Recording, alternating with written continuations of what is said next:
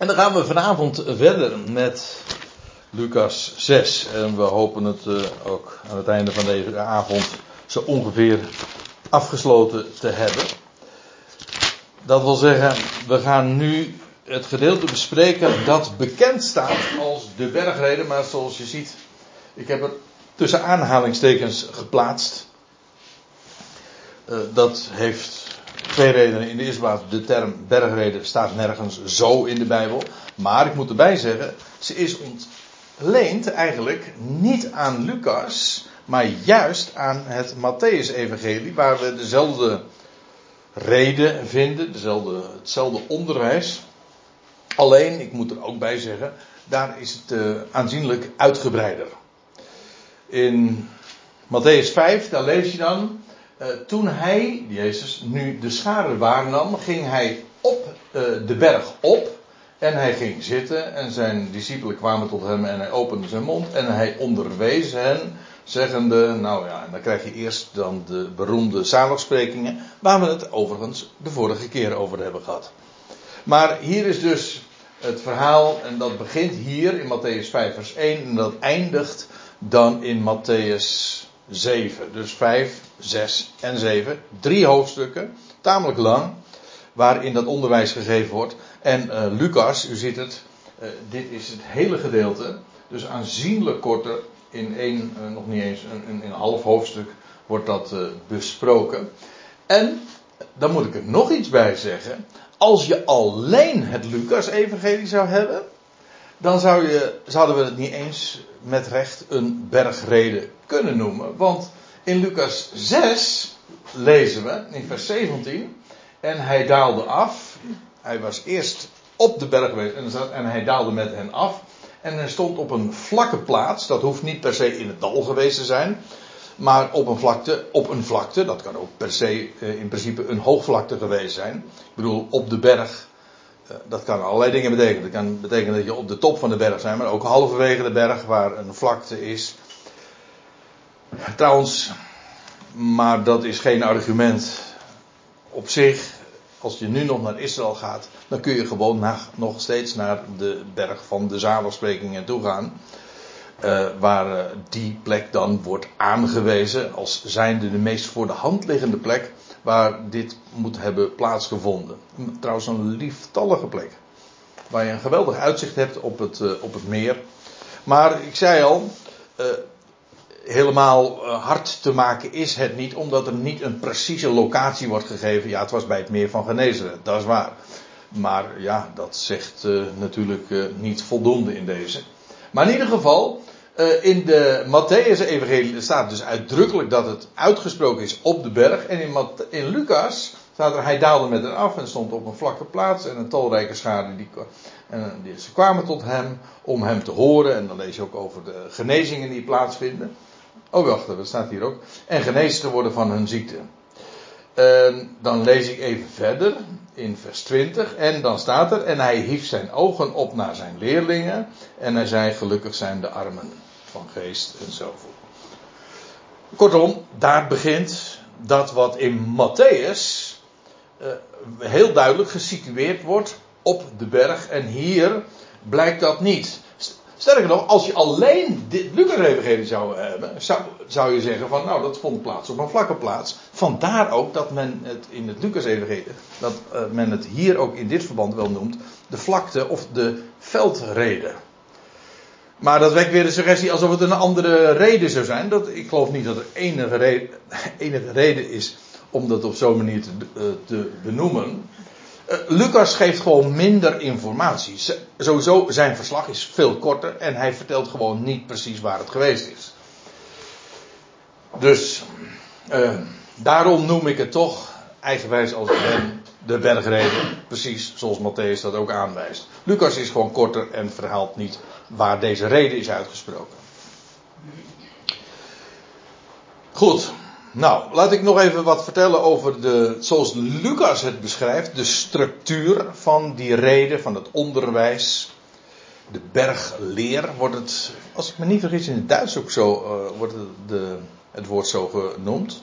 Weet ik niet helemaal zeker. Maar in ieder geval, uh, de bergleer, het onderwijs wat hij daar gaf op de berg. in vers, als ik het even zo beschrijf, het begint dan in vers 20 tot 26 met uh, de zaligsprekingen. Gelukkig de armen, gelukkig degene die hongeren naar gerechtigheid, gelukkig de zachtmoedigen, etc. Maar er wordt ook een wee uitgesproken. Wee degene, nou ja, enzovoorts. Dat is in dat gedeelte. Dan krijg je vers 27 tot 38. 11 versen gaat over discipelschap. Dan krijg je in vers 39 wordt er een gelijkenis gegeven. Vers 40 weer over discipelschap. En in vers 41 tot 45 vervolgens weer een gelijkenis. En dan eindigt het in feite weer met die tweedeling waar het ook mee begon. Namelijk met een, het fundament enerzijds en aan de andere kant degene die geen fundament hebben. Zodat je hier echt een structuur ziet. Het begin, de inleiding, komt, uit, komt overeen met het slot, met die tweedeling. En dan het tussengedeelte, dat is een afwisseling van discipelschap, gelijkenis. Discipelschap, gelijkenis. Dus vandaar die, uh, ze noemen dat een inversie. Dat wil zeggen, het is naar binnen gekeerd. Het eindigt, zo, uh, het eindigt zoals het begon. En daartussen heb je het onderwijs met, uh, met de tweetal gelijkenissen. Nou, kort dat even als uh, zijn de, de structuur van het gedeelte. En dan, uh, dan gaan we maar eens uh, van slag. of aan de slag met, met de precieze inhoud. Maar tot jullie, zegt de Heer Jezus dan, die mij horen. Inmiddels heeft hij zich afgezonderd van de schade. Dat zagen we in de Matthäus-evangelie trouwens ook al. Hij laat de scharen voor wat ze zijn. Hij gaat ook wat hoger op, kennelijk, de berg. En, laat, en de, zij komen dan tot hem. En tot hen, zegt, spreekt hij ook die zaligsprekingen. De, de, gelukkig zijn degenen die, die mij horen. Betekent trouwens ook dat dit onderwijs niet zomaar aan de wereld wordt gegeven. Zelfs niet aan Israël in het geheel. Maar het is gericht aan degenen die oren hebben. Ik bedoel, in de zin van wie oren heeft, die horen. Die daar specifiek geopende oren voor hebben. Die tot jullie, tot jullie die mij horen, zeg ik, deze woorden. Heb jullie vijanden lief. En doet wel aan degene die jullie haten. De woorden hebt je naaste lief, die dat is bekend. Dus het wordt zelfs als ook in het Jodendom als de samenvatting van de hele Torah genoemd. Hè. God liefhebben boven alles. En je naaste, degene die het dichtst bij je staat, eh, als jezelf. Hier gaat het uh, nog veel verder. Eigenlijk is dat ook heel karakteristiek voor deze hele reden, deze bergreden. Dat de Heer Jezus heel uh, extreem is in de wijze waarop hij onderwijs geeft. Hij doet er eigenlijk als het ware nog een, een schepje bovenop. Het is extra, omdat hij ook heel erg in het licht stelt van wie God is. Ah, we zullen dat later ook zien, dat als hij die, uh, die instructies geeft, dat hij dat iedere keer ook motiveert met, ja maar zo is jullie God ook. En dat geldt hier trouwens ook, want feitelijk ja, je zou haast denken dat dit Paulus is die dat ook zo naar voren brengt. Heb je vijanden lief? Zoals God zijn vijanden, de vijandige wereld lief heeft. En sterker nog, de vijandige wereld weer met zich verzoent. Vrede maakt. Vijanden tot vrienden maakt. Heb je vijanden lief en doet wel aan degene die jullie haten. Stond ook al uh, trouwens een paar versen eerder. Uh, daar staat er: Gelukkig zijn jullie wanneer de mensen jullie zullen haten en smaden. En jullie naam zouden uitwerpen als slecht. Van, hoezo? Nou, vanwege de zoon van de mens. Dus het gaat ook om het getuigenis dat zij hebben. Ze hebben niet alleen oren, maar ze hebben ook, ja, ze spreken daar ook over. En ja, dat roept nu eenmaal verzet en ook zelfs haat op en vijandschap. Maar de Heer zegt, vergeld dat nou niet met gelijke munt. Of ga ze, uh, haat ze niet. Integendeel, God heeft, dat is nu even mijn invulling, maar dat is wat je elders vindt. Uh, heb, je, heb je vijanden lief en doet zelfs wel aan degene die jullie haten. Zij haten jullie, maar doe hen wel. Trouwens, ik heb afgelopen zondag, daarom staat het me zo voor de geest nog, heb ik in Urk, op Urk gesproken. En toen ging het ook over de laatste woorden in uh, Romeinen 12.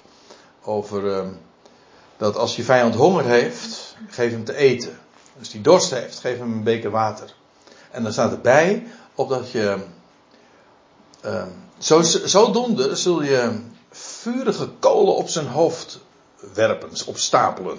Het idee is, uh, op die manier smelt de vijandschap weg. De, een vijand, als jij je vijand eten geeft, die, als die vijand honger heeft en je geeft hem te eten, ja, dan wordt het motief voor die vijand om nog zijn vijandschap te handhaven eigenlijk onmogelijk gemaakt.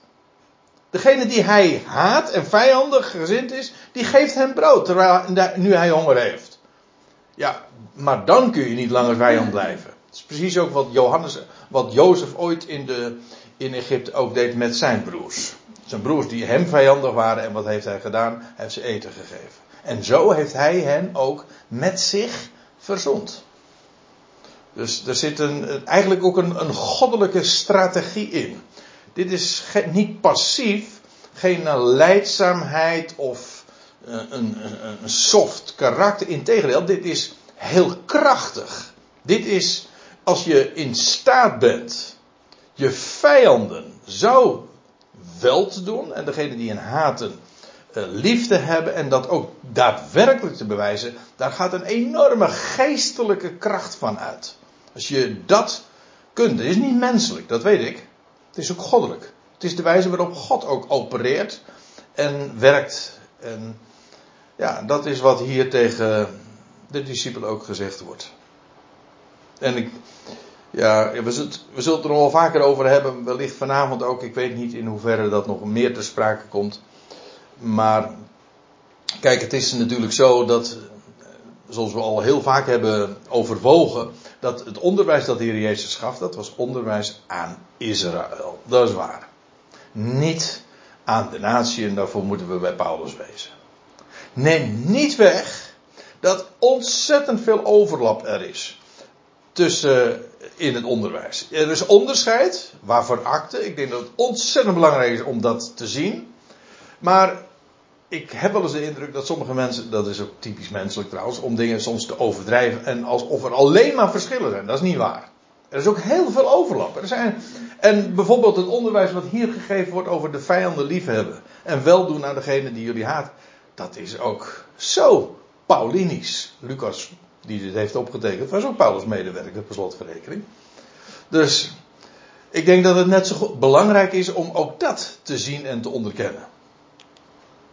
Zegend, weer zo'n woord. Zegend wie jullie vervloeken. Exact dezelfde dingen die Paulus zegt. Hij, vrijwel woordelijk. Zelfs hetzelfde wat hij in Romeinen 12 ook naar voren brengt. mensen vervloeken je, zegen hen. Zoals precies, zoals God dat ook doet. En bid omtrent degene die jullie smadelijk behandelen. Ja. Ja, dat is niet. Uh, de, de, de, de taal van de.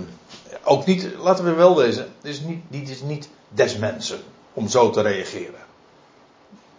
Als je, als je onterecht gesmaad wordt en vervloekt wordt en vijandschap ontmoet, ja, wat doe je dan? nou, ik zal ze leren. Dat is heel normaal, of in ieder geval, dat is heel gebruikelijk. En Precies tegenovergestelde wordt hier nou door de Heer Jezus onderwezen. Nee, doe dat nou niet. Of eigenlijk, hij zegt niet zozeer doe dat niet. Hij zegt hoe, het, hoe je het wel zou doen. Namelijk, vanuit goddelijk oogpunt, zegend wie jullie vervloeken. Nou, wat ik zo mooi vind, dat is dat als uh, God zoiets van je vraagt, als hij dat tegen je zegt, dan staat hier als een soort verbiedende wijs. Maar wat ik zo mooi vind, dat is dat God je dat niet vraagt als hij dat niet zelf in je hart werkt. wil bewerken. Ja. ja. En, uh, ja, dat heb ik gewoon persoonlijk meegemaakt. Mijn stiefmoeder zo verschrikkelijk van mijn kop tot aan mijn tenen gehaat heeft.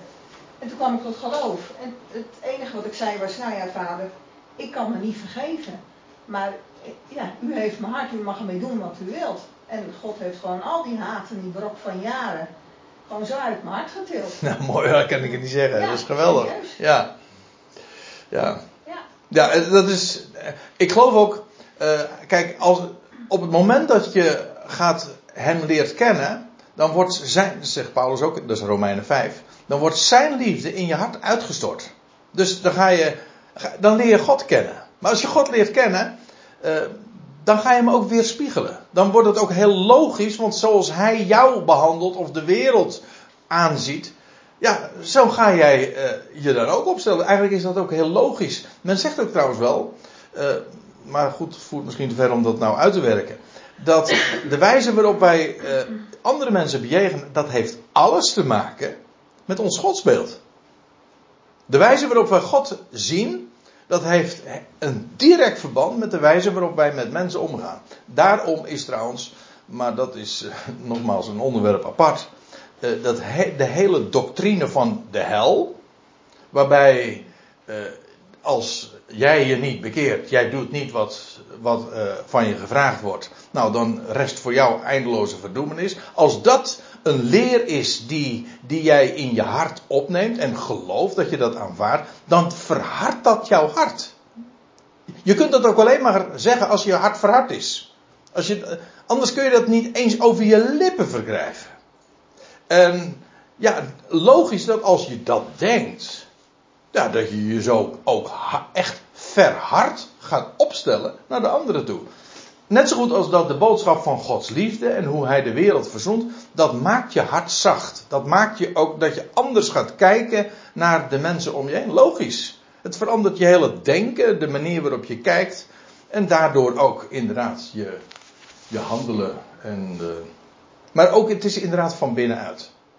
Ik moet er trouwens aan, aan denken. Het komt vanavond niet ter sprake, maar je leest in het Matthäus-evangelie uh, die woorden, het is ook in de bergreden. Jullie dan zullen volmaakt zijn. Gij dan zult volmaakt zijn, gelijk, gelijk uw hemelse vader volmaakt is. Nou, let nou op. Wat, men heeft, wat heeft men daarvan gemaakt? Gij zult volmaakt zijn, gelijkerwijs uw hemelse vader volmaakt is. En dan wordt het een belofte, want dat is wat het is, dat gij zult is een belofte. Dan wordt dat een last, en ik kan je vertellen, een last die je niet kunt dragen. Gij zult volmaakt zijn. Weet je wat dat, als je daar je best voor gaat doen, dan zul je aanmerken dat je het niet kan. En B, dus dat je gefrustreerd raakt, want als je het dan toch desondanks probeert, word je alleen maar gefrustreerd. Terwijl als je weet, mijn hemelse vader is volmaakt en hij zegt, jullie zullen volmaakt zijn. Niet als een vraag, ook niet als een opdracht, ook niet als een commando om te proberen. Nee, als een aankondiging, jullie zullen volmaakt zijn. Hij belooft, maar dan moet hij het ook uitwerken. Nou ja, dat is wat jij bedoelt. Hij werkt dat dan ook uit. En dan, weet je, het geweldige is, in plaats van dat je gefrustreerd raakt omdat je iets probeert wat je niet kan, word je op voorhand blij omdat je iets niet hoeft te doen wat je ook helemaal niet kan doen. En weet, wat ik niet kan, kan hij wel. Want mijn onvermogen, nou, dat staat hem niet in de weg. Als hij dat belooft, nou, dan doet hij dat. En dus dank ik op voorhand dat hij dat doet. Ja, en dat is, zo'n woord van jullie zullen volmaakt zijn, gelijk uh, mijn vader volmaakt is. Is een geweldige belofte. En eigenlijk een, een, een waarheid die je meteen al zo verheft boven al het geprobeer en gestuntel wat een mens dan opbrengt en waar ik geen ene cent voor geef. Dat, dat, en met al je vroomheid en je geprobeer lukt zulke dingen niet. En ik, het geweldige vind ik ook, ook in, als we het hierover hebben, uh, in feite bij al die instructies die de Heer geeft, hij wijst omhoog.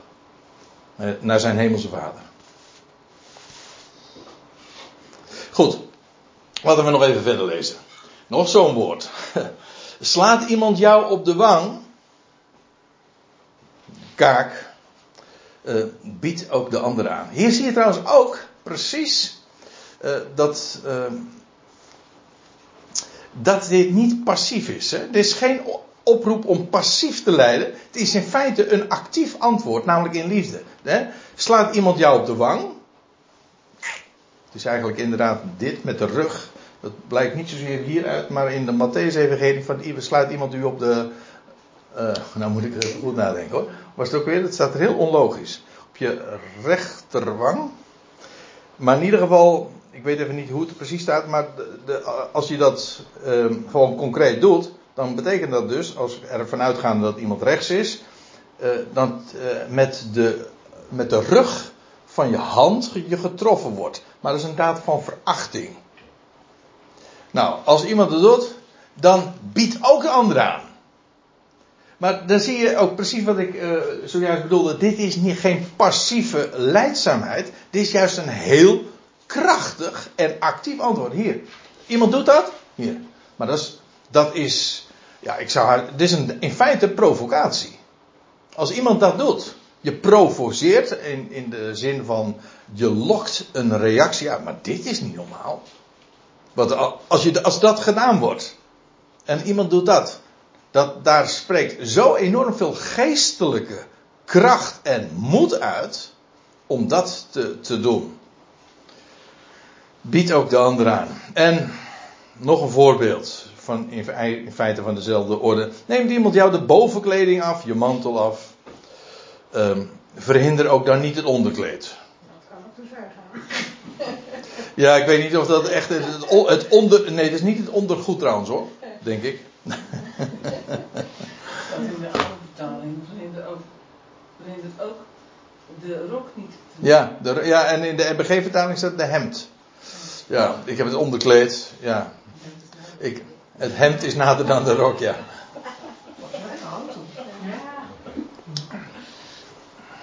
Ja, het idee is uh, natuurlijk dat als iemand al iets van je afpakt uh, en dan niet eens uh, de ander hinderen om zelfs nog meer weg te nemen. In feite in dezelfde orde als iemand slaat in verachting jou op de wang en je keert je andere wang ook nog eens even toe. Mijn Joodse taal is heel erg overdreven altijd. Hè? Ja. Dus er zijn keer waarbij moet je echt doen. Ja. Tien keer ergens zijn, maar nog niet uitvoeren. Joods. Uh, ja, ja, ik ben het met je eens. Dat is trouwens ook wel. Ja, dat, dat, ja, dat is een soort van een, een stijlfiguur. Ja. Waarbij ge, gebruik gemaakt wordt van de overdrijving. Ja. Zoals wij trouwens. Dat is Joods. Dat is Joods. We hebben, wij Nederlanders hebben meestal uh, je ziet dat soms in de. Oh, trouwens ook in andere talen. Juist de understa Je hebt de, de overdrijving. Dat is, een, ook, is een soort van idioom. Maar je hebt ook de understatement. Dan, waar, waarbij het eigenlijk onderkoeld zegt. Bijvoorbeeld. Uh, als je. Kijk, in, als, als iemand in Amerika. Een echte Amerikaan jou een compliment geeft. Wauw, geweldig. Nou, Gonnie, jij kan dat, eh, zou dat veel beter kunnen doen. Je hebt eh, wat meer ervaring met die Amerikanen. Maar uh, als je in Friesland, in het noorden van Nederland is het denk ik nog sterker. Dan heb je een prestatie geleverd en dan zeggen ze, het kon minder. Weet je wel, dat. En dat is een compliment. Maar dan zeg je, het kon minder. Nou, dat is, de, dat is dus de understatement. Dat is de onderdrijving, zeg maar. Om het zo te zeggen. Uh, ja, door iets nog wat erger te maken, te versterken. Conferenciers doen, maken ook heel vaak gebruik van dat idioom, van dat taal-eigen. Nog even sterker te maken, juist om je punt duidelijk, des te helder te maken. Uh, deze voorbeelden, ja, die zijn ook inderdaad uh, zo duidelijk. Ik, ik, ik heb er een beetje moeite mee om over overdrijving te spreken, want het, het suggereert een beetje alsof het. Uh, uh, alsof, ik alsof je het daardoor minder serieus zou nemen. Maar ik begrijp je punt en ik denk dat het helemaal waar is. En dan lezen we verder. En aan ieder die jou vraagt, geef. En er staat trouwens niet eens bij wat. Maar het, het, in feite wat hier uh, de gedachte is, is de grondhouding die je neemt, aanneemt van. Um, dat, roya, ja, dat royale staat hier ook. En van degene die de dingen die van jou wegneemt, gaat nog verder. Niet alleen maar iets vraagt, maar van jou wegneemt. Vraag het niet eens terug. Weer eventjes een link leggen met wat, wat Paulus naar voren brengt. In, datzelfde Romeinen 12, waar ik eerder al uit citeerde. Daar staat ook. Wreek jezelf niet. Wreken, dat heeft te maken met uh, opkomen voor je rechten. Eigenlijk wreken is, wraak is in de Bijbel rechtsherstel. Nou, maar wie gaat daarover? Moet ik mijn eigen rechten herstellen? Nee, uh, dat, er staat ook, wreek jezelf niet. De nadruk ligt, wraak is prima. Dat staat er ook, hè. Wreek jezelf niet, geliefde, maar geef plaats aan de toren, want er staat geschreven, aan mij komt de wraak toe. Ik zal het terugbetalen, zegt de Heer. Met andere woorden, geef plaats, er is plaats voor toren. Er is ook plaats voor wraak, maar doe dat niet voor jezelf. Laat dat aan God over. Trouwens, hij heeft hier ook op aarde ook een instantie gegeven. Een tornende wreekster.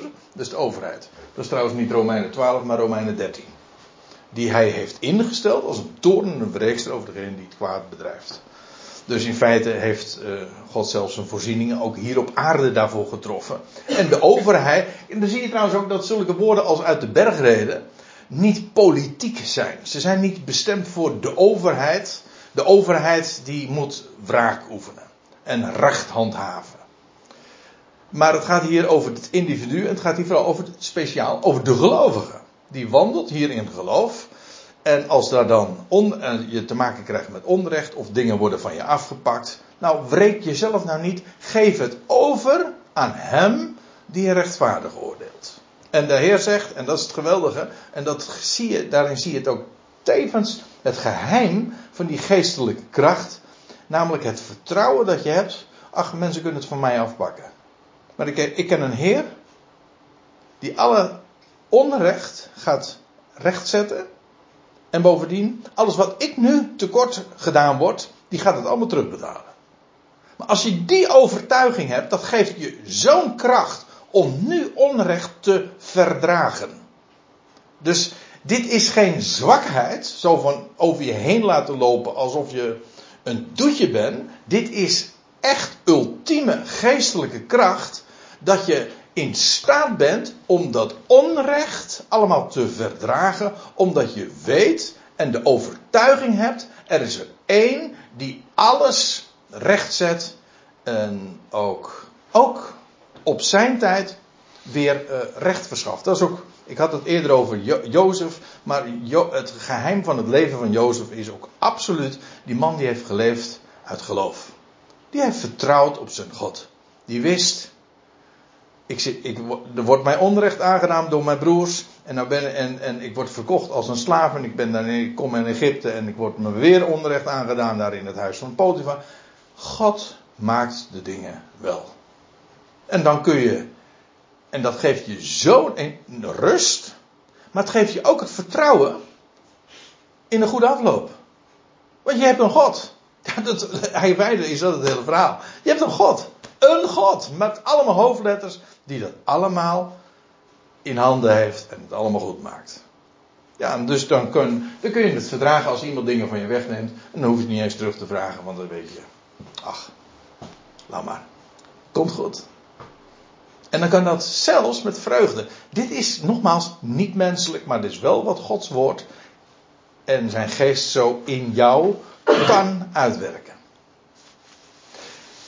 Vers 31, dat is een bekend woord trouwens.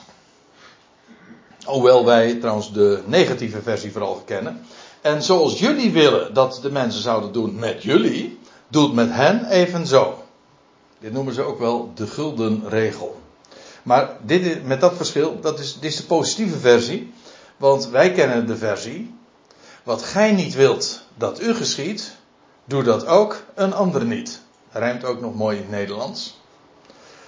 Maar dat is negatief. Wat jij niet wilt dat mij, jou geschiet, doe dat dan ook niet aan de ander. Dat is nog negatief. Hier is het, wat jij wil dat mensen met jou doen, nou doe dat dan gewoon ook met anderen. Dat is gewoon in feite heel redelijk. Anders meet je feitelijk met twee maten.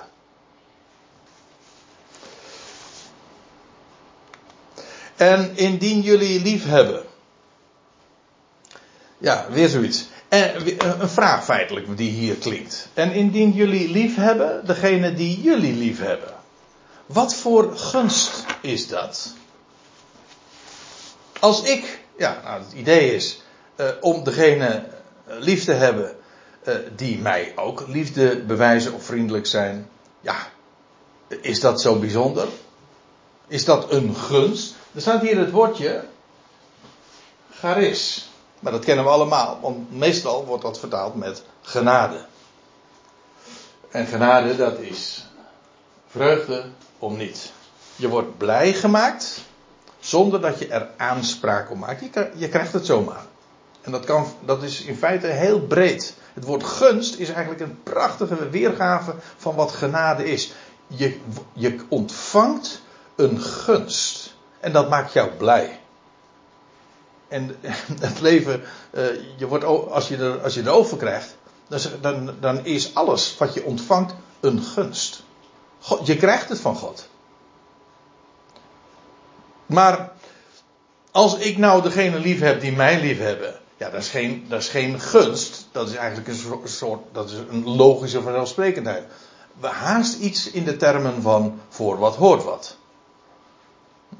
En daarom zegt de Heer ook, immers ook de zondaren, degene die niet leven in geloof. Als een gelovige nou eh, in de Bijbel een rechtvaardige is, God rekent geloof tot rechtvaardigheid. Maar omgekeerd is het zo dat hij ongeloof rekent tot onrechtvaardigheid. En dat is zonde. Dus immers ook de zondaars hebben, degene, hebben lief degene die hen lief hebben. Ik zou zeggen, gelukkig wel. Dan zou het helemaal uh, een in de wereld. Hè? Als, als zelfs dat er niet zou zijn. Nee. Als, als mensen jou dan uh, goed bejegenen, ja, dan is het normaal dat jij dat ook met hen doet. Dat is ook in de wereld niks bijzonders. Dat is geen genade. Daarom, in feite wat, wat in dit hoofdstuk staat, uh, ja, dat is die overdrijving waar je het net over had. Maar dat is in feite die ex, dat extra. Wat, dat veel meer doen dan zoals God dat doet. Nog een voorbeeld, vers 33. Want indien jullie goed doen aan degene die jullie goed doen, wat voor gunst is dat? Is dat genade? Nee, het is helemaal geen genade, dat is normaal. Dat is vanzelfsprekend. Ook de zondaren, die doen exact hetzelfde. Dus dit is namelijk normale praktijk in de wereld. En ook de wereld veroordeelt het als het anders is. Dat is dus niks bijzonders. Nee, weet je wat wel bijzonder is? En wat echt genade is? Als je degene lief hebt die jou niet lief hebben. Of degene die jou haten, desondanks dat jij hen genade geeft. En, uh, en, en goed doet en wel doet. En zegent degene die jou vervloeken. Dat, dat is extra. Dat is, dat is ook wat niemand verwacht. Of degene die jou een klap geeft in verachting en je andere wang toekeren. Dat is niet des mensen. Dat is niet normaal. Nee, maar dat is precies wel wat, wat God wel doet. Ik zeg het expres zo. Niet wat God wel van ons verwacht, want dat klinkt mij veel te wettisch. Het is niet iets van wat God van ons verwacht. Het is wat zoals God zichzelf opstelt. En wat Hij uit kan werken in ons leven. Oké, het gaat hier dan specifiek uh, in verband met Israël en de bergreden en, en, tot je dienst. Maar de principes die hieronder liggen, die zijn ook voor ons uh, wel degelijk ook heel herkenbaar. En we, je ziet ze ook, ik doe het niet in elk vers, maar in heel veel versen in deze hele reden zou ik zomaar linken kunnen leggen met het onderwijs van de apostel Paulus voor de ratio. Nog een voorbeeld. Indien jullie zouden lenen, uh, bij wie jullie hopen te ontvangen, wat voor gunst is dat? Weer die vraag, hè? is dat zo bijzonder? Als je, kijk, dat is eigenlijk heel erg, um, je, je, leent iets met de gedachte, dat is heel afgepast, hè? en ook uh, berekenend, en je hebt het in feite al, zoals wij dat dan in het Nederlands zo mooi zeggen, dichtgetimmerd. Zo van, daar kan niks mee misgaan, want uh, ik, uh, ik krijg het gewoon allemaal weer terug. Neem me niet kwalijk, maar ik vind een beetje. dat is heel Calvinistisch. Hè? Dat, dat heel. dat, dat afgepaste. En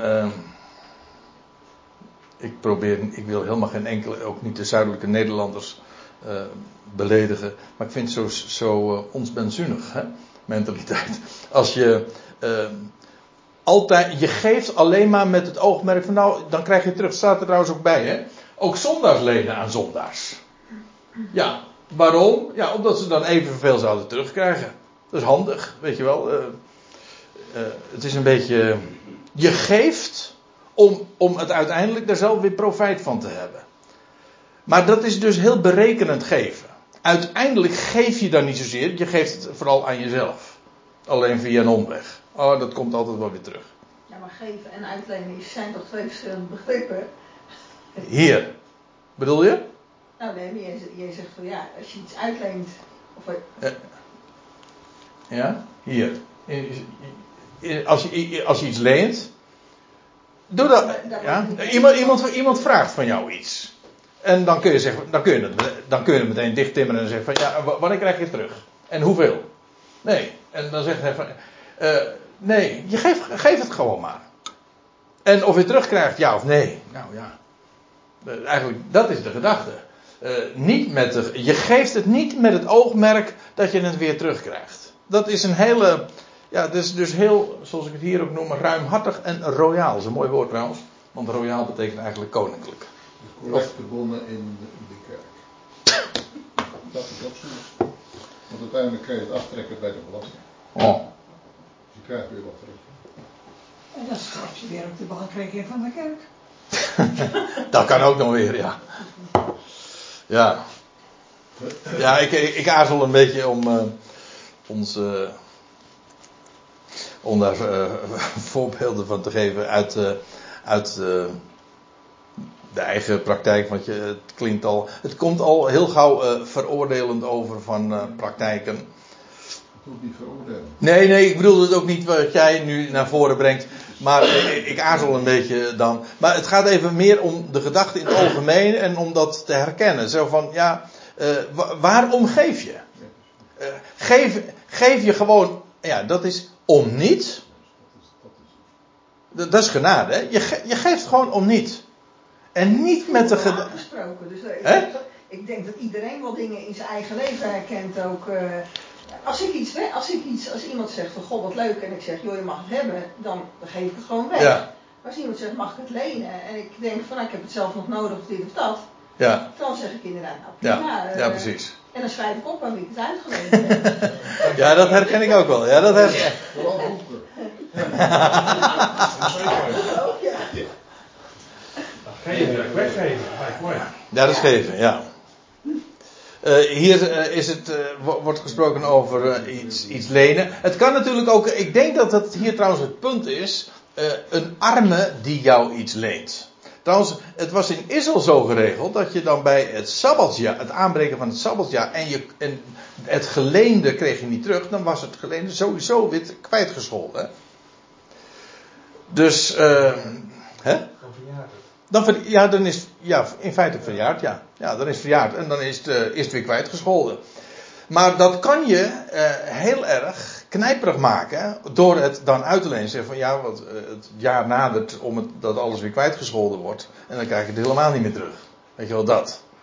Het, maakt, het kan heel berekenend maken, en maar dan geef je het niet meer royaal. Als, als er iemand die arm is, jou iets vraagt, en met de, ook inderdaad met de intentie, want dat is wat lenen is, met de intentie om het terug te geven, en je timmert dat helemaal dicht, en zeg ja, maar ik weet je wel, alleen, allemaal voorwaarden stellen, zodat jij zeker bent dat je het terugkrijgt, en niet de ander gewoon dat dan ook geeft, en vertrouwt op zijn intenties, ja, dat is, uh, ja, dat is dat knijperige dus. Dat is geen genade, dat is, dat is niet om niet. Van de reden is een heel kort, er is een Joods verhaal, als ik even mag.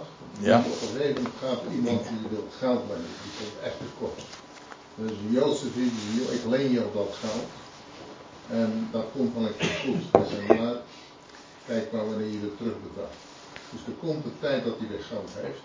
Dan gaat dan terug naar de Jood die het hem geleend heeft. Hij zegt, hou dat geld maar, maar met één restrictie. Op het moment dat iemand hetzelfde doet als jij, die vraagt om iets te lenen, dan geef je dat geld. Snap je? Ja, oké, ja, wacht even. Ik moest, ik moest even nadenken. Ja, ja, ja, ja, precies, ja, Dat, dat. is natuurlijk prachtig iets. Ja, zeker. Het Jodendom vandaan. Ja, ja. En nu komt, volgt eigenlijk eh, min of meer de samenvatting van, wat het, van het voorgaande. Want nu volgt, zegt de Heer het eigenlijk in, in een paar zinnen nog eens terug, wat hij nu in een aantal versen zo naar voren heeft gebracht. Hij zegt, maar heb je vijanden lief en doet goed, en leen uit, zonder terug te verwachten. Dat, ja. Eh, en dat allemaal dichtgetimmerd hebben. Ik denk dat dat met name de gedachte is. Dat je het zodanig dat je het uh, uitleent. Zonder dat je zelf daarin nog een risico wil lopen. En dat niet geeft uh, en uitleent voor de ander. En staat er nog bij. En jullie loon zal veel zijn. Het gaat hier uiteraard ook over dat. Over het komende koninkrijk waarin dat genoten zal worden. En jullie zullen zonen van de hoogste zijn. Mooi. Want ik heb het even onderstreept. Jullie zullen zonen van de hoogste of de allerhoogste zijn. Want zowel de NBG als de Statenvertaling zeggen hier kinderen. Dat is iets anders. Een kind is wat anders. Kindschap is wat anders dan zoonschap. Zoonschap, dat is een positie waarin je gesteld wordt. Je wordt geboren als kind en je wordt tot zoon gesteld. En namelijk in feite op, de, op een, de leeftijd dat je naar de wet meerderjarig bent. Um, maar dan ook in, in feite heeft het ook met erfrecht te maken. Je, je bent in staat om de erfenis van je vader te ontvangen en te beheren. En in feite dus je vader voor te zetten. En feitelijk dus daarmee ook te vertegenwoordigen. Vandaar ook dat ik het zo samenvat. Zoonschap is een positie waarin je gesteld wordt. In het, in het Grieks kun je het ook heel duidelijk zien. Er is ook een woord daarvoor, zoonstelling. Um, dat is een positie waarin de vader vertegenwoordigd wordt. In feite, de vader leeft voort in de zoon. En er is een, bepaalde leeftijd dat die zoon inderdaad een bar mitzwa, hè, dus de, de zoon, dan wordt hij een zoon voor de wet. Dat is wat de term ook betekent. Dan wordt hij een zoon voor de wet. En dan, ja, dan vertegenwoordigt hij de vader. Kijk, een kind ontvangt liefde van de vader. Een zoon geeft ook liefde. En wordt ook in een positie gesteld dat hij zijn, de vader vertegenwoordigt en representeert. En daarmee dus in feite dus, het heeft te maken met erfrecht, een erfgenaam is. Een zoon is een erfgenaam. Zo staat het letterlijk ook in Galaten 4 trouwens. En zo ben je een zoon van de hoogste. Je vertegenwoordigt daarmee de Allerhoogste, de God zelf.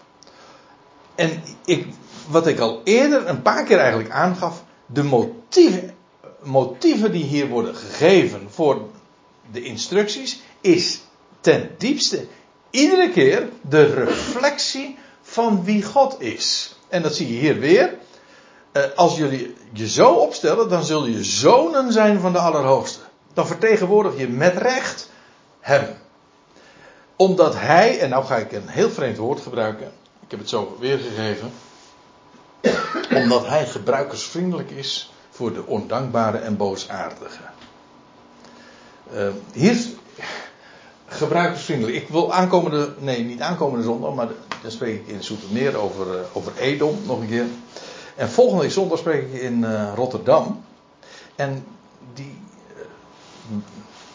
ik zeg nog wel een beetje onder voorbehoud, maar waarschijnlijk gaat de toespraak krijgt deze titel, gebruikersvriendelijk. En dan ga ik het hebben over dit Griekse woord, wat zeven, acht keer in het Nieuwe Testament voorkomt. Christos.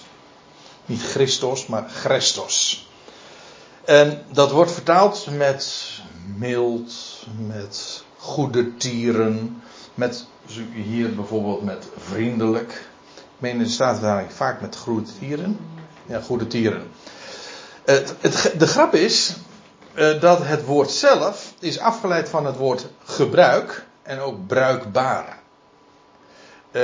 Nou ja, volgende week zondag ga ik dat veel uh, uitgebreider toelichten. Maar het idee van het woord is dat we eigenlijk allemaal kennen, namelijk het is gebruikersvriendelijk. Uh, dat, ik, intrigeert mij enorm. Maar het is wel een heel vrij voorbeeld trouwens. Gods houding is vriendelijk. Ja, goedertieren. Voor ieder die daar gebruik van maakt. Ook voor de ondankbare en zelfs de boosaardige. Dus hij, dat is echt gebruikersvriendelijk. Dat wil zeggen, zelfs voor degene die er eigenlijk helemaal geen aanspraak op kunnen maken, is hij, betoont hij die vriendelijkheid. Gods houding is royaal. Komt van koninklijk. Ja, maar uh, royaal heeft bij ons ook de betekenis. Iemand die koninklijk is, de gedachte is eigenlijk, die bezit veel. En is daardoor ook in staat om te geven. En uh, vandaar ook bij ons heeft de, uh, het woord royaal de betekenis van, nou, je geeft, je, je geeft veel. Ja, waarom? Als je veel hebt, dan kun je ook veel geven. Nou, God is royaal. Waarom? hij heeft alles. Hij heeft alles en dus kan hij geven. Maar degene die zijn zonen zijn, degene die van, eigenlijk wij zijn royaal, hè, bij de koninklijke familie, en wij, wij leven uit zijn overvloed. Dus feitelijk, kijk, die houding. Ik heb een, ik heb een hele rijke God. Dus waarom zou ik, waarom zou ik krenterig doen? Ik ben, ik, we hebben zo'n enorme rijkdom. Leef uit die rijkdom. Geef maar. Inderdaad, dan kun je trouwens ook nog zeggen van. Eh, dat is trouwens ook een wereldspreekwoord. Wie goed doet, wie goed ontmoet. Maar uh, zelfs dat is nog te beperkt. Het is, het is inderdaad zo. Je komt nooit tekort. En dat is het geweldige als je een God kent die rijk is. Je komt nooit tekort. Hij geeft je wat nodig is. Ja, ik vind het een geweldig, geweldig besef. Ik krijg gewoon wat ik, uh, wat, ik, wat ik nodig heb. En dat maakt je ruim van binnen. Het gaat er dus niet om wat, wat ik moet doen. Het gaat erom dat je zo'n, zo dat besef gaat krijgen. Ik heb een rijk God. Maar ik ben ook zo rijk. En we. Laten we. Ja, laat ik de vragen gewoon zo neerleggen. Hoe vaak denken we eigenlijk niet veel te krenterig? Ik gebruikte net het woord Calvinistie. is echt uh, sorry dat ik die negatieve associatie maak, maar die is heel Nederlands. Uh, maar dat idee van, um, ja, um, je moet uitkijken met wat je geeft, want wat je, alles wat je weggeeft, dan ben je kwijt. Ja, de, nou, die, mentaliteit, die mentaliteit, alles wat ik weggeef, ben ik kwijt. Helemaal niet. Ben je helemaal niet kwijt. In feite is de Bijbelse gedachte van geven, zelfs die van zaaien, je vermeerdert er alleen maar mee. Je geeft, je zaait eigenlijk. Maar moet je kijken hoe heel anders uh, de perceptie en de beleving wordt als je op die manier in het leven staat. Dan geef je. En dan leef je dus uit rijkdom. Niet uit de beperking van, ja, als ik weggeef ben ik het kwijt. Nee, dan leef je uit het besef van, van overvloed en een overvloedige God die geeft. Ja, en God uh, die geeft, die strooit ook maar uit. Want die geeft, wat, doet hij? Hij is goede tieren voor de ondankbare en de boosaardigen. En zegt, aan, aan, aan zulke lui verspil je dat toch niet? Dat doe je toch niet? Ja, God wel. Hij doet de zon opgaan over boze en over goede. En het regenen over boze en goede. En sterker nog, hij is niet alleen de schepper, maar hij is ook nog de redder van al, al die mensen. Nou, dat is overvloed. Dat is overvloed. Ja. En dat is dus, uh, dat is echt het, uh, in de meest extreme zin royaal. Hij blijft maar geven. En dan zeg je van ja, houdt het dan nooit op? Nee, het houdt nooit op. Nou, die houding, dat is wat hier staat. Dan ben je, als je in daaruit leeft, ja, dan ben je, een, dan ben je inderdaad zoon van de Allerhoogste. Dan vertegenwoordig je je hemelse vader. Het is beter te geven dan te ontvangen, zeg je. Ja. Ja, zo citeert Paulus dat ook. Ja, het is, dus niet beter, er staat gelukkiger. Het is gelukkiger te geven dan te ontvangen. Daarom hebben we een gelukkige God. En daarom hebben we een gelukkige God, ja, die geeft ook zo. Daar heeft een keer over gesproken. Ja, klopt. Ja, een keertje. Oh, nee, zo. In Maren was dat toen. In Maren hebben we toen een hele weekend daaraan gewijd over de gelukkige God.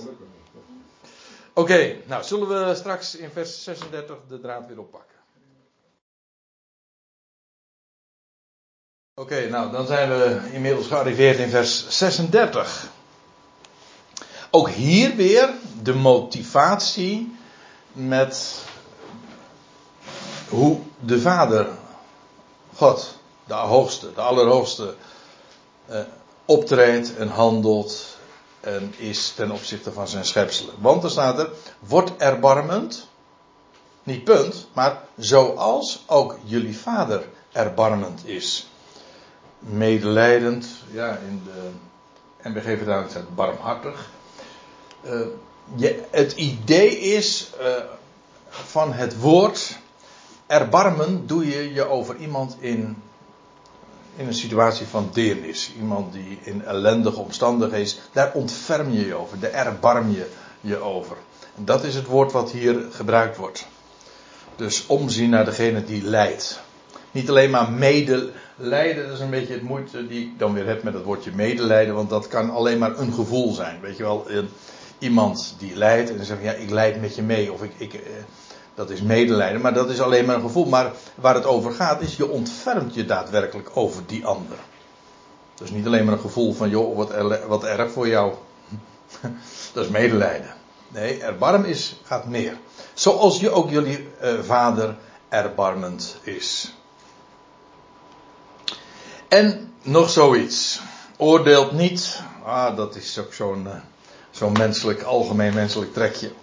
Ik zal dat uh, maar niet beperken tot, uh, tot Nederlanders, want ik, volgens mij is dat echt iets universeels. Een mens die zo gemakkelijk zijn oordeel velt. En ik, uh, het is een beetje moeilijk, maar ik zou gewoon de hand in eigen boezem kunnen steken, want ja, je vindt altijd maar altijd over iets. Hè?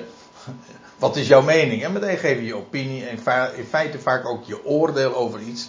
Terwijl je niet eens de ins en outs kent. Want dat is eigenlijk wat een oordeel is. Je velt een oordeel. Hoeft nog niet eens per se een veroordeling te zijn, maar je geeft je oordeel over iets. Maar dat is alleen maar op zijn plaats als ik ook werkelijk op de hoogte ben van alles. Zoals een rechter geacht wordt de voor's en tegens te kennen en dan kun je een oordeel uitspreken. Maar hoe, hoe, gemakkelijk oordeel je niet terwijl je eigenlijk helemaal niet de echte situatie kent?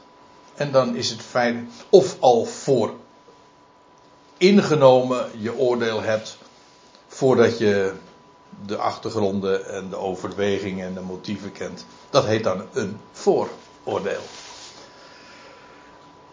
Ja, maar daarmee loop je natuurlijk ook een enorm groot risico. Namelijk dat je zelf ook daarmee geoordeeld wordt. Ja, van Gods wegen, maar ik bedoel eh, in, in het algemeen ook. Uh, met de maat, dat is trouwens ook ergens in de bergreden. Met de maat waarmee jij meet, dan word je ook gemo gemeten. Gemoten. Gemoten, nee, gemeten. Ja, sorry, Kees. ja. Ik twijfel wel eens over uh, hoe de verleden tijdsvorm is, maar in dit geval wist ik het wel, ja opdat jullie niet geoordeeld zouden worden. En uh, eerst is het oordeel, maar het gaat nog verder. En ver, veroordeelt niet, opdat jullie niet veroordeeld zouden worden. En het uh, laat los. Het, eigenlijk het woord wat hier gebruikt wordt, hangt samen met het woordje met vergeven. Maar ons woord vergeven hangt weer samen met het woordje overgeven. Het dat is eigenlijk maar één letterlijk verschil. Vergeven en overgeven wil zeggen, uh, je laat het los. Letterlijk betekent dat woordje vergeven, loslaten. We hebben er veel eerder al eens een keertje over gehad. In Lucas 4 was dat. Dat hier Jezus in de synagoge van, uh, van Nazareth is. En dat hij dan het woord uit Jezaja aanhaalt. En dan wordt er gesproken over de vrijlating van gevangenen. Maar dat woord vrijlating, dat is letterlijk loslating. Hetzelfde woord namelijk als vergeven. Iemand die uit de gevangenis eh, losgelaten wordt, ja, wordt ver. Dat is dus het, de echte betekenis van het woord vergeven. Eh, je laat los. Vergeven is loslaten. Feitelijk is dat ook niet eens een, een, een, iets wat je voor de ander doet. Het is iets wat je met jezelf. Jij laat los. En dat is trouwens. Uh, dat is nog, denk ik, een hele ja, psychologie, als ik het zo mag zeggen, zit erachter. Want vergeven doe je niet eens zozeer voor de ander. Als jij vergeeft, ben jij bevrijd van iets. Want jij laat het los. Zolang jij inderdaad niet vergeeft, zit jij eraan vast. En dan, ga je dan sta je ermee op en dan ga je ermee naar bed. En dan kun je het maar niet loslaten. En op het moment dat je het loslaat, dat is maar niet een, een, een gunst die je de ander bewijst. Het is in de eerste plaats zelfs een gunst die je jezelf bewijst. Want jij, jij bent er vrij. Uh, haat of zo is rot in je benen. Ja, dat is echt hè. Ja. Uh, iets soortgelijks staat uh, ook van haat en van jaloezie. Dat zijn dingen die verteren een mens. En je kan het maar. En op het moment. Ook als je, je veroordeelt iemand. En die veroordeling kan echt zo in je hart zijn. Waardoor je uh, het een ander dus niet vergeeft. Maar het tegenovergestelde is dus. Je veroordeelt niet. Je laat het los. En je geeft het ook over aan hem. Dat is trouwens ook Romeinen 12. Aan hem die rechtvaardig oordeelt. Kijk. Dat is ook uh, een enorme bevrijding. Als jij het los kunt laten en kunt toevertrouwen aan de God die er wel weg mee weet. Hoe? Dat is zijn zaak. Maar in feite hoef ik dat ook helemaal niet te weten hoe hij dat doet. En zelfs niet wanneer hij dat doet. Of waar hij dat doet. Of met wie hij dat doet. Nee, je laat het los. Je vertrouwt hem domweg. En omdat je hem vertrouwt. Kun je het ook loslaten. Maar dat is een bevrijding. Laat los. En jullie zullen ook losgelaten worden. Geef. En jullie zullen en jullie zal gegeven worden. Dat is toch weer. De, in het algemeen. Ik zei net uh, iets over dat geven met het oogmerk van ja, dat je het weer ook weer uh, dat terugkrijgt. Dus dat hele berekenende geven. Maar in het algemeen is het wel zo. Ik hoop niet dat ik mezelf daarmee tegenspreek. In het algemeen is het inderdaad zo dat, de, dat geven en die mentaliteit van royaal geven, daar word je nooit armer van. Dat is, ja, in het algemeen, uh, dat is trouwens ook, dat vind je op, op vele plaatsen. De zegenende ziel wordt overvloedig verkwikt. Daar word je dus echt alleen maar rijker van, hoe dan ook. Dat is niet het motief of niet de reden om te geven, maar niet meer, het is wel een, een gevolg van het geven. Dan word je dus. Een mens, het, eigenlijk komt het erop neer. Een mens is ervoor gemaakt om zo zich in te stellen. Ja. Maar je begrijpt wel natuurlijk, dat, dat kan alleen maar in het zicht en in het perspectief van een God die, uh, die rijk is en die genadig is en die geeft. Als je dat niet kent, ja, dan denk je dat je altijd maar voor je eigen zaakjes moet zorgen. En dan word je dus heel berekenend. En word je ook heel krap. En word je heel erg gierig. Je, houdt je houdt in. Altijd inhouden. Geef en jullie zal gegeven worden. En hier, dat is een mooie, een mooie samenvatting. Een goede. Dus op vier manieren wordt het genoemd. Een goede, kwalitatief goed aangedrukte, geschudde en overlopende maat. Het idee is, je wordt uh, bijvoorbeeld koren gegeven, een zak uh, uh, graan, of in het algemeen, nou ja, noem een ander product, in, met een bepaalde maat. Nou, die wordt aangedrukt en geschud. Geschud, dat wil zeggen dat het losgemaakt wordt, zodanig en als er dan vervolgens het ook nog wordt aangedrukt, ja, dan krijg je een maximale hoeveelheid. Je begrijpt dat degene die heel berekenend op, uh, geeft. Dus ik, ik, vroeger wel verhalen ook gehoord van, van boeren die op die manier zeg maar aan hun aan klanten dan uh, gaven. Maar dat op een hele sneaky manier deden. De, maar als je in, zoals hier staat, uh, een geschudde, een aangedrukte. In feite komt er een heel royaal van, om, om de ander maximaal te geven. En zelfs nog een aangedrukte, een geschudde en een overlopende maat. Zo. Mag het ook een onsje extra zijn? Zo dat. Maar dan gewoon, dat krijg je. Alsjeblieft. Een goede, aangedrukte, geschudde en overlopende maat zullen zij in, in jullie schoot geven. Gaat hier trouwens, ziet u trouwens? Het is hier meervoud, zullen zij. Het gaat hier dus niet eens zozeer om God. In het algemeen geef en dat komt terug. Some way, somehow, zeggen ze. En ze zullen zij in jullie schoot geven. Eh, ook dat is trouwens weer iets eh, wat je even terug moet plaatsen naar in, in, de, in de Oosterse context. Want het idee was van je had een mantel met daarin een plooi, bijvoorbeeld een schort. En dat werd dan gebruikt als, als, als, uh, als zak. Weet je wel, je hebt een, schort en, dat, en daar, je krijgt een maat, uh, ik noem maar wat, koren daarin. En dan werd dat dus met recht in je schoot geworpen. Hè? Gegeven. Is een mooi voorbeeld trouwens van. In de Bijbel. Ja, precies. Van Rut lees je het in hoofdstuk 3 vers 15 dat ze bij Boas op de dorsvloer kwam. En was in de nacht was ze daar gebleven. Oei. En toen was het zo dat Boas haar bij de in de vroege ochtend laat gaan. Maar dan geeft hij haar uh, zes maten gerstater. En, ook, uh, en dan staat er, en er staat heel erg leuk in, in uh, Rut 3, vers 15, er staat er van, doe uw omslagdoek af en houd het op. Wat in het Nederlands heel erg vreemd klinkt natuurlijk. Doe het af en houd het op. Maar hij, het idee is dus, jullie, ik geloof niet dat hij helemaal overkomt. Maar het idee is dus, de, de omslag doe, doe, wordt afgedaan. En vervolgens houd, houdt zij het op voor Boas en die schept het helemaal vol.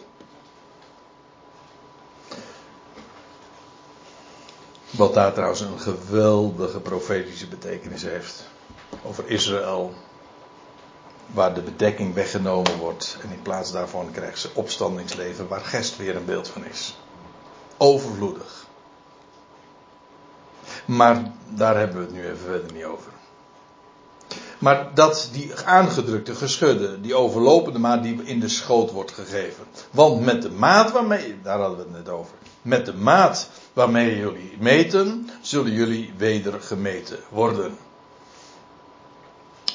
Royaal geven, je zult ook royaal ontvangen. Gewoon op, eigenlijk is het zo dat het op voorhand al jouw houding is. Je geeft niet pas uh, op, je stelt je niet zodanig op uh, wanneer de ander dat ook doet. Dat is dat afwachtende. Nee, je doet het op voorhand. Hij nu sprak ook, vers 39, ook een gelijkenis tot hen. Kan een, een blinde kan toch niet een blinde de weg leiden? Zullen beiden niet in een kuil vallen? We lezen in uh, diverse keren in de Evangelie dat uh, Matthäus 23 is er een heel be beroemd voorbeeld van.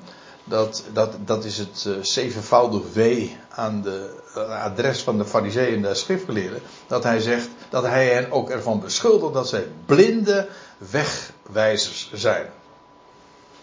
Ja. Zij worden geacht het volk de weg te wijzen, maar ze zijn zelf blind.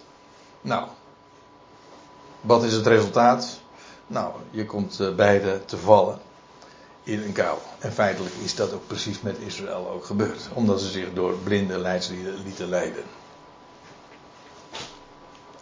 Een discipel staat niet boven zijn leraar, zijn meester. Maar ieder die toegerust is, zal zijn als zijn leraar.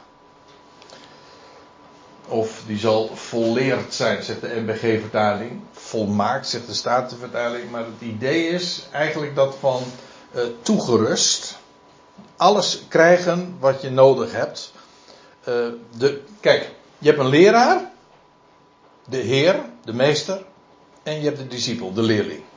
Wel, dan vindt waar, wat is kenmerkend van die verhouding? Wel, dat de een, die heeft, die weet dingen, die heeft kennis van dingen, en die draagt dat over aan de ander. Dat is onderwijs. Wel, als die overdracht heeft plaatsgevonden, dan is die toegerust.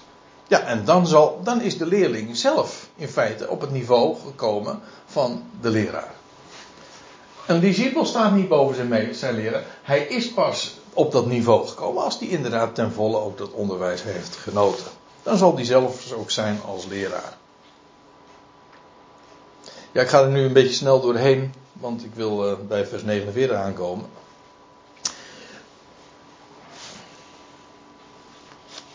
Zegt het goed? Ja.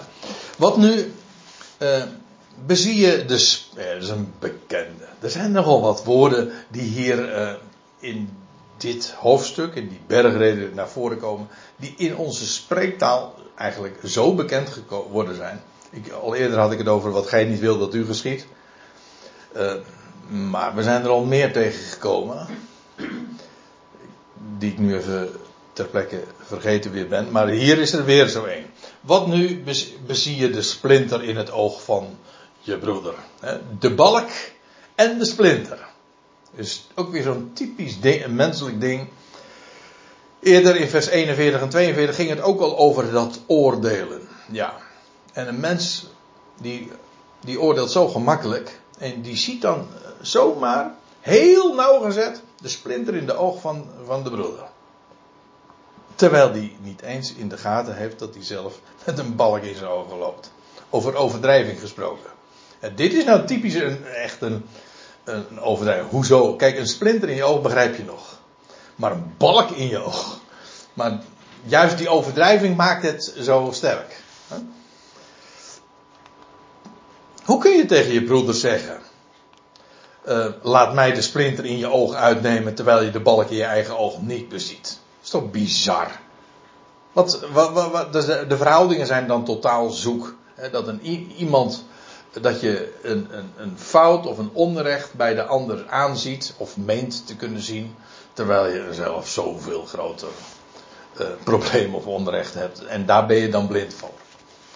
En weet je wat de Heer zegt? Huigelaar. Hi, dat is, letterlijk staat daar in het Grieks. Hypocriet. Zie je? Hypocrita. Hypocrita. Weet je wat? Ja, het is een toneelspeler. In het Grieks is dat gewoon de naam voor een hypocriet. Bij, bij ons heeft een uitsluitend negatieve betekenis. In het Grieks niet. Het, ja, hier natuurlijk wel in deze context. Maar in het algemeen betekent een hypocriet gewoon, dus een toneelspeler. Iemand die zich op een bepaalde manier voordoet, terwijl die het niet is. Ik begrijp nu ook wel een klein beetje met dat in gedachten, waarom bijvoorbeeld in protestantse kring in ieder geval een grote aversie bestond tegen toneelspel. Van oudsher. Er bestond een grote aversie tegen, tegen een heleboel dingen trouwens. Maar ook tegen toneelspel. Ik begrijp het eigenlijk ook wel een beetje. Want bij toneelspel Trouwens, dat geldt voor de hele filmwereld, is ook toneelspel. Alleen voor, dan op het witte doek. Dan, ja, dan speel je een rol, ja. En, maar, nou goed, dat is tot daar naartoe. Als je weet, als je weet uh, dat het toneel is. Maar uh, het wordt pas erg uh, ellendig wanneer je te maken krijgt in het echte leven, in het gewone leven, met toneelspelers. Die waarvan je meent dat, ze echt, dat het echt is, maar in werkelijkheid spelen ze een rol. Neem eerst die balk uit je eigen oog.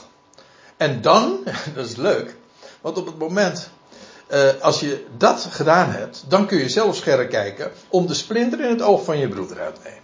Dus wil je die splinter wegnemen? Prima. Eerst die balk uit je eigen oog. Dat is uh, het idee.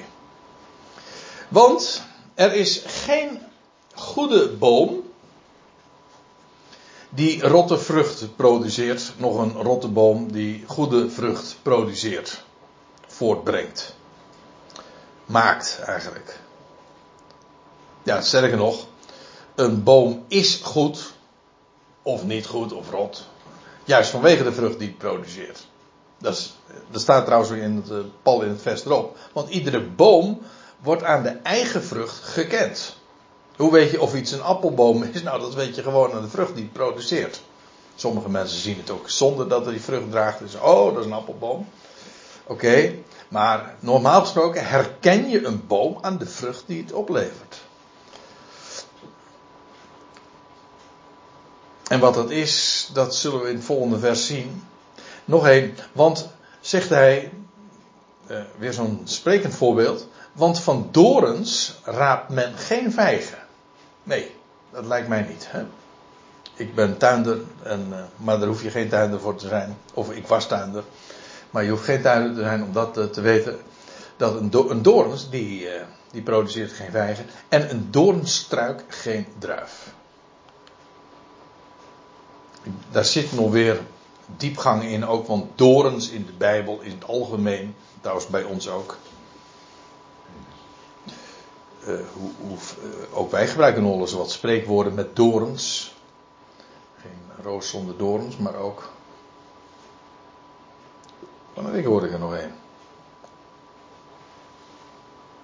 Over de, de moeite van het leven dat ook met vergeleken wordt met dorens. Help me even. Richter 11 komt ook. Ja, dat is, een, dat is dan een hele fabel, ja. Voor die bedoornstruiken, die vijgenbomen, die druiven. Die bedoel ik niet. Nou, oké. Uh, maar in het algemeen is het bekend. De eerste keer dat er sprake is van dorens, dat is dat er ook dat de aarde zou produceren, zou voortbrengen dorens en distels. Onkruid. Maar dorens is wel een heel uh, typerend voorbeeld daarvan. Dat is ook precies waar de Heer mee gekroond werd toen hij naar het kruis ging. Doorns. Uh, dat is een symbool van de vervloeking. En een vijg en een druif, die zijn in, uh, een, een, symbool, een embleem van vruchtbaarheid. Een vijg vooral van vruchtbaarheid. En als je een vijg door de midden snijdt, dan weet je ook meteen waarom. Dat zit namelijk vol met zaad. Hè? En een druif is een embleem van nieuw leven. En van de, wijns, de vrucht van de wijnstok. En het heeft trouwens ook weer allebei met Israël te maken. Maar goed. Een, doorns, een doorn produceert geen vijgen en een doornstruik geen druiven. Alsjeblieft, duidelijk. Een, een boom herken je aan zijn vrucht. En dan staat er, de goede mens brengt uit de goede schat van het hart. Ja, wat, wat brengt hij tevoorschijn? Nou, het goede. Omgekeerd, de boosaardige brengt uit de boosaardige schat, namelijk van zijn hart, wat er in zijn hart leeft, het boosaardige tevoorschijn. En wat bedoelt de Heer dan? Nou, gewoon. En dan hebben we er nog eentje, want die kennen we ook allemaal. Is ook een algemeen Nederlands spreekwoord geworden. Waar de mond vol van is. Nee, pardon. Waar, waar het hart vol van is, daar loopt de mond van over. Ja. En die is ontleend aan dit woord. Uit de overvloed van het hart, dus dat waar het hart vol van is. Ja, in feite, het, lo het loopt. Oh, het is overvloedig. Het, op het moment dat het hart er te vol van is, dan moet de mond ervan spreken. Dan loopt de mond ervan over. Ja. Dus, eh, dat is trouwens wat mijn schoonvader nog destijds placht te zeggen. Het hart, nee, de mond geeft uit. Uh, nee, wat er, hoe zei hij nou? Wat er in het hart leeft, brengt de mond. Iets van die zin. Ja, het, ge het geeft uit wat, wat. Oh nee, het vat geeft uit wat erin zit. Ja, je, wat komt er uit een vat? Nou, dat wat erin zit. En wat, wat komt er uit het? Hoe, hoe leer je een mens kennen? Die leer je kennen door de woorden van zijn mond. In zijn spreken, zelfs wat hij niet zegt. Dat is, zoals je, dat is wat communicatie is. Je leert een mens kennen door, door, door uh, het spreken, al of niet goed. Het kan ook nog tegenstrijdig is, maar dat zegt daar ook iets over wat er in het hart is. Maar uit overvloed van het hart, daarom is het ook zo geweldig. Uh, er staat niet spreuken, nee, in Psalm 19. Laten de woorden van mijn mond en de overleggingen van mijn hart u welgevallen zijn. En als je, als je hart vol is van het woord, ja, dan komt, dan komt daar levend water uit voort. Als een fontein. Wat noemen jullie mij Heer, Heer?